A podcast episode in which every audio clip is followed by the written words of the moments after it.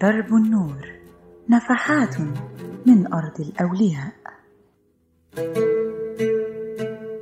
أهلا بيكم في حلقة جديدة من برنامجنا درب النور اللي بنحكي فيه قصص غير معروفة لأولياء الله الصالحين اللي موجودين على أرض مصر.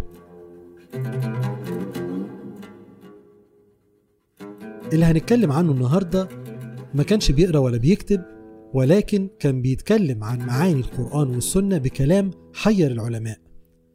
قال عنه تلميذه عبد الوهاب الشعراني إنه بينتسب إلى البرولس في محافظة كفر الشيخ لأسرة فقيرة. اشتغل في بيع الصابون والجميز والعجوة واتنقل بعد كده في القاهرة وفتح دكان زيت. قبل ما اشتغل بعد كده في تطفير الخوص لحد ما مات. اتدفن في مسجده في حارة باسمه في منطقة الحسينية بالقاهرة. بنتكلم عن سيدي علي الخواص البرولوسي اللي قال عنه محمد بن عدنان أعطي التصريف في ثلاثة أرباع مصر ولا يقدر أحد من أرباب الأحوال أن يدخل مصر إلا بإذنه. وكان الشعراني بيرسل إليه الناس علشان يتشاوروا معاه في أحوالهم وقال الكلام ده في كتابه الطبقات الكبرى. وكان بيخبر الشخص بواقعته التي أتى لأجلها حتى قبل أن ينطق بها. ده حسب ما بيقول الشعراني. فبيقول طلق أو شارك أو فارق أو اصبر أو سافر ما أدى إلى حيرة الناس. هو الله رب الوجود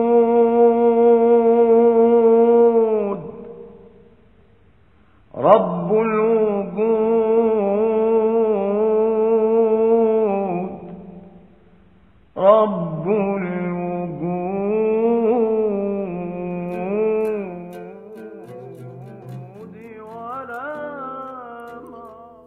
بحسب الشعراني كان للخواص طب غريب بيداوي بيه أهل الاستسقاء والجذام والفالج والأمراض المزمنة.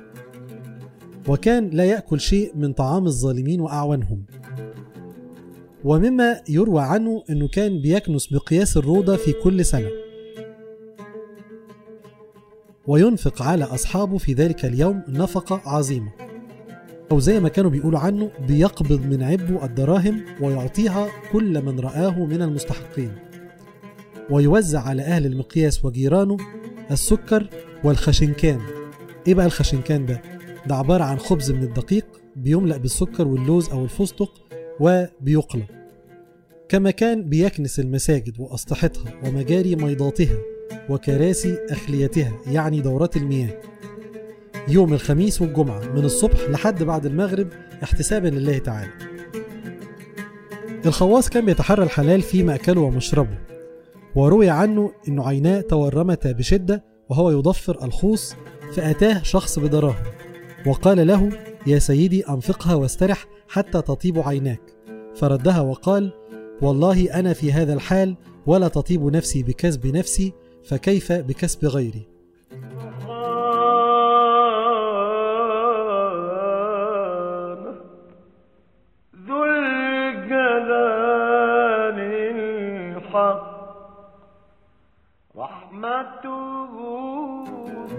كان عنده جبة واحدة بيلبسها وشاش صغير على زنط بيغسل العمامة والجبة بالملح مرة في السنة ويقول نوفر الصابون لغيرنا من الفقراء.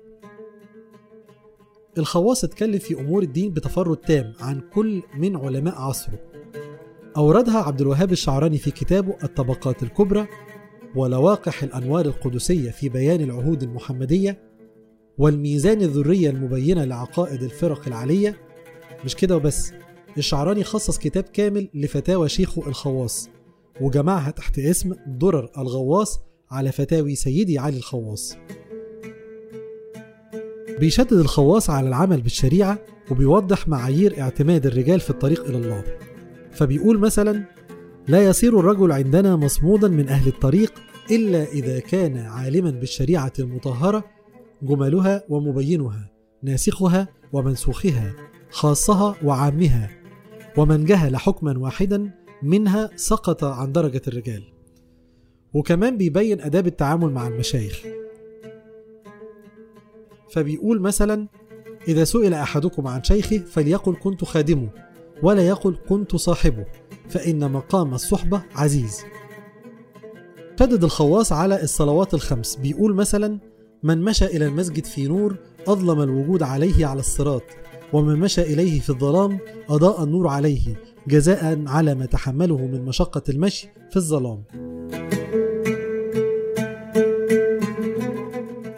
وعندما سئل عن سبب عدم دخوله المسجد إلا بعد سماع حي على الصلاة قال مثلنا لا يصلح لإطالة الجلوس في حضرة الله تعالى فنخاف أن نأتي لنربح فنخسر. فينبغي لكل مؤمن مراعاة الأدب في المسجد فإنه بيت الله الخاص. ولا يبادر قبل الوقت إلا إن علم من نفسه القدرة على كف جوارحه الظاهرة والباطنة عن كل مذموم حتى عن سوء الظن بأحد من المسلمين حتى بالاهتمام العظيم بأمر الرزق والمعيشة. كلمات الخواص واضح جدا إن ما كانش ليها مثيل في علوم معاصريه فبيقول مثلا آفة العقل الحذر وآفة الإيمان الإنكار.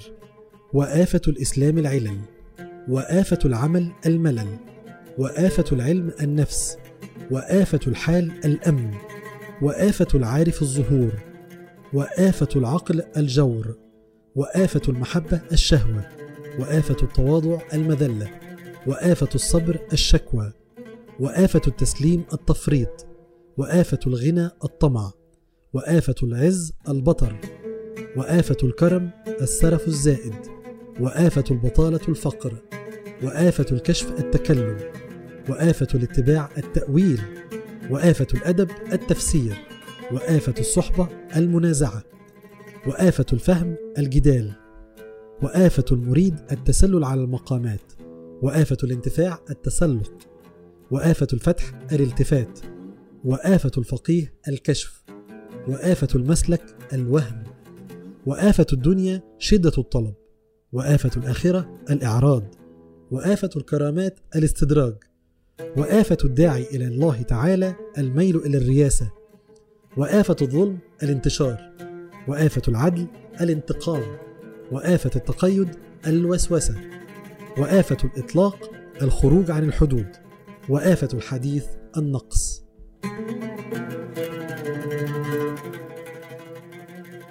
على الرغم إنه كان أمي لا يقرأ ولا يكتب إلا إن الخواص له تفسيرات للقرآن الكريم وقف أمامها علماء عصره. فمثلا كان بيقول إذا كنت مؤمنا وسمعت أنه تعالى يمدح المؤمنين فلا تبادر إلى كونك مؤمنا. وتأمل قبل ذلك هل أنت على ما وصف الله به المؤمنين من الصفات التي مدحهم عليها أم لا؟ ثم إن كنت على ما وصف فهل تموت على ذلك أم لا؟ فإن علمت أنك تموت على ذلك فقد أمنت مكر الله فلا يأمن مكر الله إلا القوم الخاسرون. وإن علمت أنك تموت على غير ذلك فقد أيست من رحمة الله ولا ييأس من روح الله إلا القوم الكافرون. فكن بين الخوف والرجاء فإنه الصراط المستقيم. من ضمن أقوال علي الخواص اللي قالها كمان إنه أشد العذاب سلب الروح. وأكمل النعيم سلب النفس وألذ العلوم معرفة الحق وأفضل الأعمال الأدب وبداية الإسلام التسليم وبداية الإيمان الرضا. بيؤمن الخواص إن العلوم الإلهية مش ممكن يختص بيها ربنا سبحانه وتعالى عبد منشغل بغيره. فبيقول مثلا العلوم الإلهية لا تنزل إلا في الأوعية الفارغة وبينشد وبيقول أتاني هواها قبل أن أعرف الهوى فصادف قلبا فارغا فتمكنا تلميذه عبد الوهاب الشعراني سأله هل ندعو على الظلمة إذا جاروا؟ فقال له لا لأن جورهم لم يصدر عنهم أصالة وإنما صدر عن المظلوم فإنه ما ظلم حتى ظلم نفسه أو غيره والحكام مسلطون بحسب الأعمال أن لكم لما تحكمون وإنما هي أعمالكم ترد عليكم. وفي الحديث الحاكم الجائر عدل الله في أرضه ينتقم به من خلقه ثم يصير إلى الله فإن شاء عفا وإن شاء انتقم منه. وربك فعال لما يريد وهو الغفور الودود. اعتبر الخواص أن السن دلالة على قلة الورع. وكان يقول ما في القلب يظهر على الوجه. وما في النفس يظهر على الملبوس وما في العقل يظهر في العين وما في السر يظهر في القول وما في الروح يظهر في الأدب وما في الصورة كلها يظهر في الحركة. بكده بتكون انتهت حلقتنا النهارده من درب النور ونلتقي بكم في حلقة جديدة.